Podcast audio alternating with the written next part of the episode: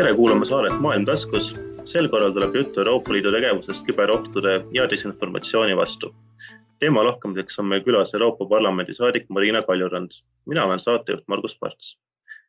no saate mõte tõukus kümnendal juunil Euroopa Komisjonis esitletud küberjulgeoleku raportist. sellest rääkides esines Euroopa Liit üllatavalt terava avaldusega, milles süüdistas otseselt Venemaad ja Hiinat koroonaviirusega seotud desinformatsioonikampaaniates kuidas Venemaa ja Hiina täpsemalt koroonaaegset haavatavust ära kasutavad? tegelikult äh, sellel küsimusel on hästi palju tahke ja ma hakkan neid tahke siis ükshaaval praegu lahkama ja kui läheb liiga pikaks, siis katkestage mind ja ma, ja ma püüan rääkida lühemalt ja kiiremini. aga põhimõtteliselt on need kaks tahke turvalise küberruumi tagamine selleks, et seal saaksid toimida e-teenused, et seaks, seal saaks toimida, ma ei tea, digitaalne tuvastamine, et seal saaks toetada, toimida andmevahetus, suhtlemine, küberjulgeolek, mis hakkab tegelikult igast inimesest, meist teiega, et me, ma ei tea, vahetame paroole ja oleme teadlikud küberjulgeolekust ja lõpeb riikidega.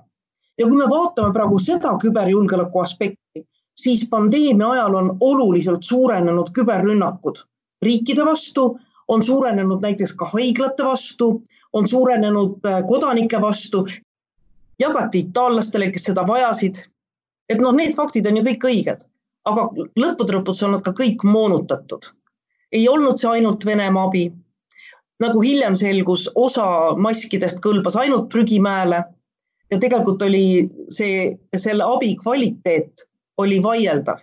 küll aga oli väga efektne meediapilt nii et see, kuidas Venemaa kasutab meediat äh, oma propagandaks ja Euroopa Liidu lõhkumiseks, Euroopa Liidu solidaarsuse õõnestamiseks, on äh, Venemaa poolt äh, oskuslik. hiljem me võime ju öelda, et see oli propaganda, aga tollel hetkel see töötas ja paraku Euroopa Liit ei suutnud vastata samasuguste mõjuvate piltidega, kuidas me üksteist aitame, kuigi me käisime, aitasime üksteist, aitasid arstid, aita, aidati medikamentidega, aidati äh, maskide ja teiste kaitsevahenditega. mida Euroopa Liit sellega, selleks teha saab? tegelikult loodi Euroopa Liidu välisteenistuse juures viis aastat tagasi, kahe tuhande viieteistkümnendal aastal spetsiaalne üksus tegelemaks Vene propagandaga ja disinformatsiooniga, mis tuleb Venemaa poolt. Nad on viis aastat tegutsenud. Äh, nad paljastavad valeinformatsiooni, nad jagavad õiget informatsiooni, nad on muutunud väga edukaks ja miks ma sellest räägin, mul on hea meel, et Eesti oli üks nendest neljast riigist, kes äh, sellise rakukese tööd alustasid. ta on siis, äh, teised riigid olid Suurbritannia, Taani ja Leedu ja ongi idasuunalise desinformatsiooni vastu võitlemise ja selle paljastamise rakuke.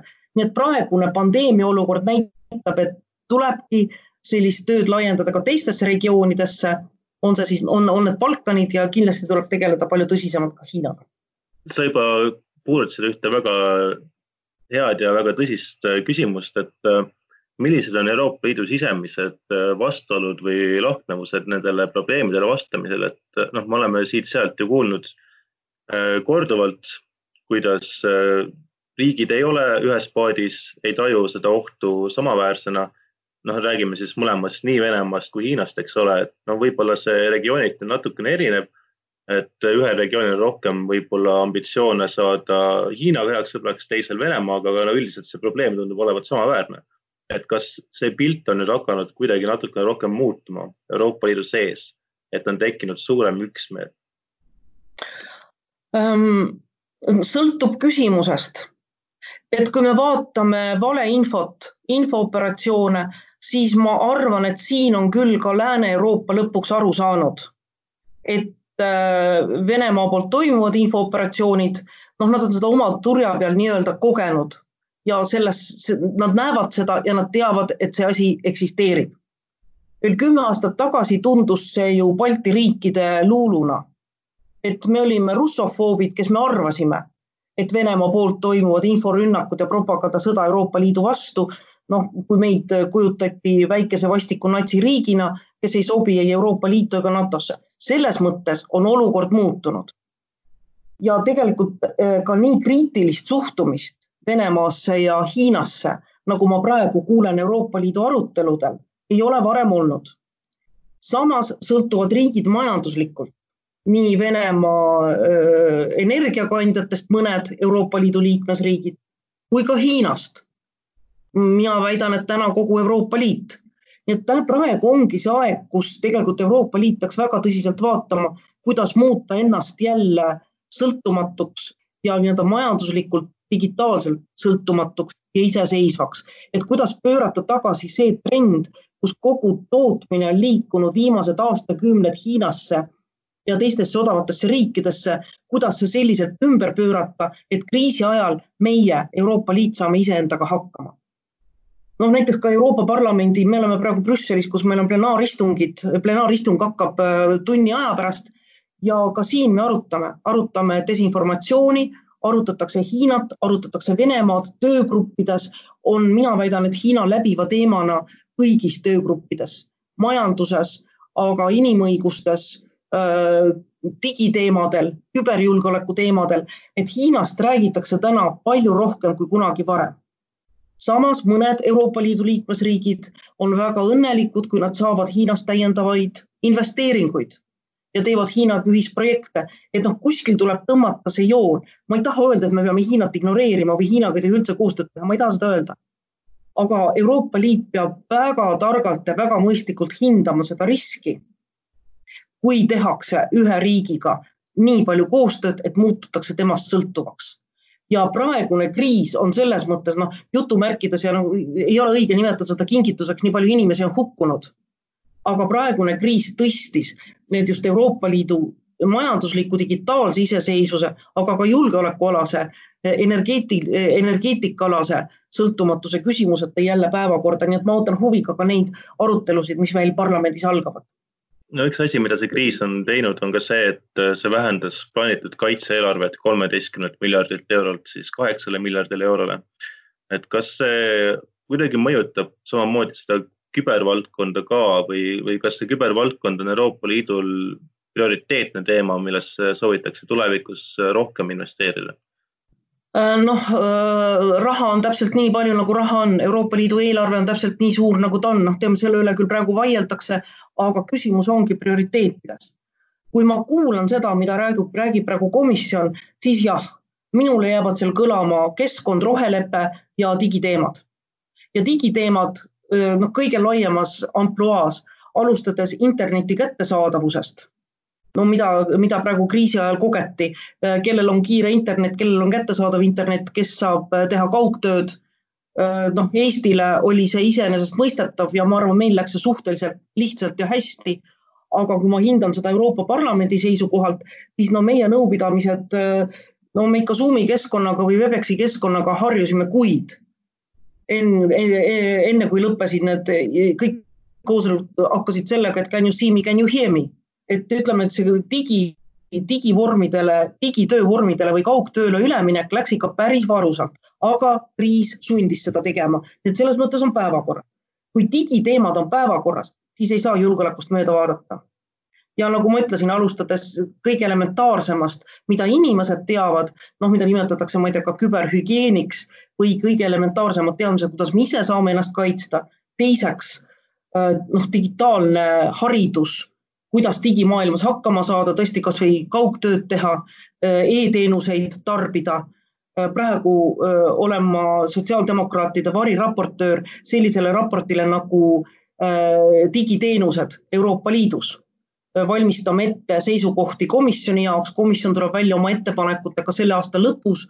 see saab olema kindlasti väga suur ja väga põhimõtteline lähenemine noh, alustades kasvõi sellest, et äh, osadel Euroopa Liidu liikmesriikidel ei ole siiamaani digitaalseid identifitseerimisvõimalusi, ei ole digi, äh, digi, just digitaalset identifitseerimist, ilma milleta mina näiteks ei kujuta ette osasid äh, e-teenuseid. nii et küberjulgeolek inimese tasandil ja küberjulgeolek ka riiklikul tasandil. Euroopa Liit ei hakka ära tegema liikmesriikide eest nende küberjulgeolekualast tööd. iga riik vastutab oma küberturvalisuse eest ise. Euroopa Liit saab aidata, Euroopa Liidus saab koos teha, noh näiteks ma ootan Euroopa Liidult ka, et lõpuks läheksid käima digiteenuste ja digitoodete sertifitseerimine. noh, nii nagu me oleme harjunud, et me ostame panni, siis me näeme, et see on toodetud Euroopa Liidus. pitsad või tähed on all, mis tähendab, et see on turvaline. Ähm, me näeme selgitust. ma ootan, et hakatakse samasuguseid sertifikaate välja andma ka e-teenustele ja, ja, ja digitoodetele, sest äh, aeg on need mõlemad pooled, äh, offline elu, reaalmaailmas elu ja digitaalne elu paremini omavahel koostöösse panna. nii et kuulates komisjoni juttu, tundub, et see on prioriteet. parlamendi poolt vaadates noh, väidan ma, et parlamendisaadikud on täna digiteemadega palju rohkem kursis ja, ja saavad sellest palju paremini aru kui veel kolm-neli kuud tagasi. nii et hinnas nagu selleks on olemas. Aga lõppude lõpuks jah, ma olen siin täiesti nõus sinuga, et see sõltub rahalistest vahenditest, see sõltub rahast ja, ja, ja kui me vaatame, nagu enne ma jätsin ka nimetamata, et kui me vaatame näiteks küberrünnakuid, mis tulevad Hiina ja Venemaa poolt, nad oma loomult on erinevad, et kui Venemaa, tõesti, me süüdistame tihti põhjusega sekkumises meie demokraatlikesse protsessidesse, sekkumises, sekkumises valimistesse, no siis Hiina poolt seda täheldatud ei ole. Hiina tegeleb rohkem tööstusspionaažiga ehk e internetis tööstusspionaažiga, digispionaažiga ja, ja, ja Euroopa Liit, kui ta tahab vastu seista nii rünnakutele oma demokraatia vastu kui ka digispionaažile, no siis tuleb ka küberjulgeolekule rohkem tähelepanu ja raha pöörata. et võib vist eeldada, et need äh, küberspionaaži juhtumid on praegu just koroonaviiruse ja vaktsiini väljatöötamise valguses eriti päevakorras, absoluutselt, eriti päevakorras, sest noh, kui vaat-, kui me vaatame tagasi ajalukku, siis kokkulepe, mille Ameerika Ühendriigid ja Hiina olid suutelised kokku leppima neli-viis aastat tagasi, puudutaski just tööstusspionaaži. Ehk omavahel lepiti kokku, et äh, nii-öelda teineteise järgi ei äh,, ei kasutata tööstusspionaaži üksteise vastu. kas see lepe nüüd on töötanud, noh, ma kahtlen selles. Ja praegune koroonaviirus, vaktsiin, uus rohi selle kättesaadavus, äh, noh, ka, ka, ka võltsravimite turg, jah, see on muutnud kindlasti ka küberspionaaži, äh, tõstnud selle tähelepanu keskpunkti. oskad sa täpsustada seda võltsravimite teemat, sa, kas need tulevad pigem siis Hiinast, et me nüüd rääkisime nagu Hiinaga seoses sellest teemast, et kas, kas see on aktuaalne ka Venemaa puhul? Äh, ma ei oska seda kommenteerida, ma ei oska seda kommenteerida, kust seda informatsiooni tuleb. aga noh, näiteks eile oli mul äh, kaks pikemat jutuajamist, üks oli Facebookiga ja teine oli Euroopa Tarbijate Kaitseorganisatsiooniga. Ja no tegelikult nad mõlemad ütlesid, et nad näevad äh, vale, vale medikamentide, vale maskide, vale toodete, mis on koroonakriisi ajal eriti olulised tooted, nende turule tulekut et äh, tarbijakaitseasutused palusid ka Euroopa Parlamenti, et kui me tegeleme uue digiteenuste äh, paketiga, et me pööraksime suuremat tähelepanu sellele, kuidas kõrvaldada netist äh, valet, valesid, noh, väärinformatsiooni niikuinii, aga ka valesid tooteid, võltsitud tooteid ja noh, pettusega valmistatud, pettusega, jah, võltsitud tooteid on õige öelda kui sa mainisid, et äh, digipädevus peaks olema ennekõike kindlasti liikmesriikide enda pärusmaa, et Euroopa Liit ei saa ju midagi otseselt ära teha, äh, siis tekib mingis mõttes küsimus ka sellest, et liikmesriikidel on erinevad definitsioonid erinevatele ohtudele. näiteks tajutakse või defineeritakse terrorismi isemoodi, defineeritakse erinevaid kuritegusid isemoodi et kas selles vallas käib ka mingisugune dialoog, diskussioon, et kuidas liidu ühe, üheselt ikkagi neid asju paremini, siis äh, kuidas neile vastu hakata? no sellel küsimusel on kaks poolt, et on asju, mida saab teha koos Euroopa Liidus, noh näiteks seesama sertifitseerimine. sertifitseerimine peaks kindlasti olema Euroopa Liidu ülene noh, ei ole ju mõeldav, et Eesti annab välja sertifikaadi, Läti annab välja, Soome annab erinevad sertifikaadid, et see peaks olema kindlasti meie ühist, noh, siseturgu puudutav, meie ühist siseturgu puudutav ja Euroopa Liidu ülene. nüüd jah, ütleme, illegaalne sisu, mis on täna internetis, on see siis terroristlik sisu, on see kuritege-, kuritegelik sisu, on see lapspornograafia, mis iganes, siis jah, siin peaksid kehtima samad reeglid nagu tegelikus maailmas. kõik illegaalne ei, on, tuleb ära koristada, ei ole lubatud. ebaseaduslik ei ole lubatud. ja ka praegu fail, millega, teema, millega mina tegelen, on äh, äh, terrorism internetis ja jah, siin me peame, me oleme tunnistanud seda fakti, et riikidel on erinev arusaamine, mis on äh, küberterrorism või terrorism küberruumis või mis on üldse terrorism. ÜRO-s on riigid püüdnud alates seitsmekümnendatest aastatest terrorismi definitsiooni kokku leppida, ei ole suudetud. Euroopa Liidus väidan mina ka, et täna võib olla väga erinev arusaamine terroristliku sisuga postitusest Ungaris, Poolas, Eestis, teistes Euroopa Liidu liikmesriikides. see võib olla erinev ja mina ei näe täna teist varianti, kui juhinduda riikide seadustest. ehk kui keegi leiab Eesti, Eesti ettevõtte poolt üles pandud või Eesti ettevõtete poolt hallatavatel saitidel terroristlikku ja kuritegelikku sisu, siis peab see korraldus tulema Eesti ametivõimudelt korraldus, mis tuleb, ma ei tea, Baskimaalt või korraldus, mis tuleb Šotimaalt, no nüüd Euroopa Liit ei ole enam, Suurbritannia ei ole Euroopa Liidus, aga korraldus, mis tuleb Ungarist või Poolast, ei pruugi olla üldse äh, kuritegelikku sisu puudutav või terroristlikku sisu puudutav korraldus. see võib olla suunatud äh, sõnavabaduse vastu, väljendusvabaduse vastu. nii et jah, täna me elame sellises olukorras, kus meil on kakskümmend seitse erinevat jurisdiktsiooni ja ma ei näe et me saaksime täna neid rohkem ühendada, kui me oleme praeguseks ühendanud, ehk me teeme koostööd. ametivõimud teevad koostööd, ega see, et meil ei ole täna ühtset terrorismi definitsiooni, ei tähenda, et ei oleks võitlust terrorismi vastu. ametiasutused võitlevad, teevad väga head koostööd. me saame Euroopa Liidu poolt, parlamendi poolt seda koostööd noh, veelgi tagant tutsitada või seda koostööd veelgi mugavamaks muuta, äh, kutsuda üles sellele, et palun vahetage informatsiooni ja tehke seda kiiremini. me saame Euroopa Liidu äh, Parlamendi poolt seda kõike teha, Euroopa Liidu poolt seda teha, aga see koostöö toimib. kas me saaksime minna nii kaugele, et meil on ühtne seadusandlus Euroopa Liidus? ei. aga meil on olemas äh, Euroopa Liidus kohus. nii et ütleme, kõik need küsimused, kus tekivad küsimused, kas see on ikkagi, kas see oli õige otsus Euroopa Liidu Komisjoni, parlamendi, ametiasutuse poolt, siis saab alati pöörduda kohtu poole, kohus tõlgendab ja seeläbi saavad ka seadused ja teised seadusandlikud aktid arusaadavamaks ja selgemaks. suur tänu. sellega ma arvan, et võib joone alla tõmmata ka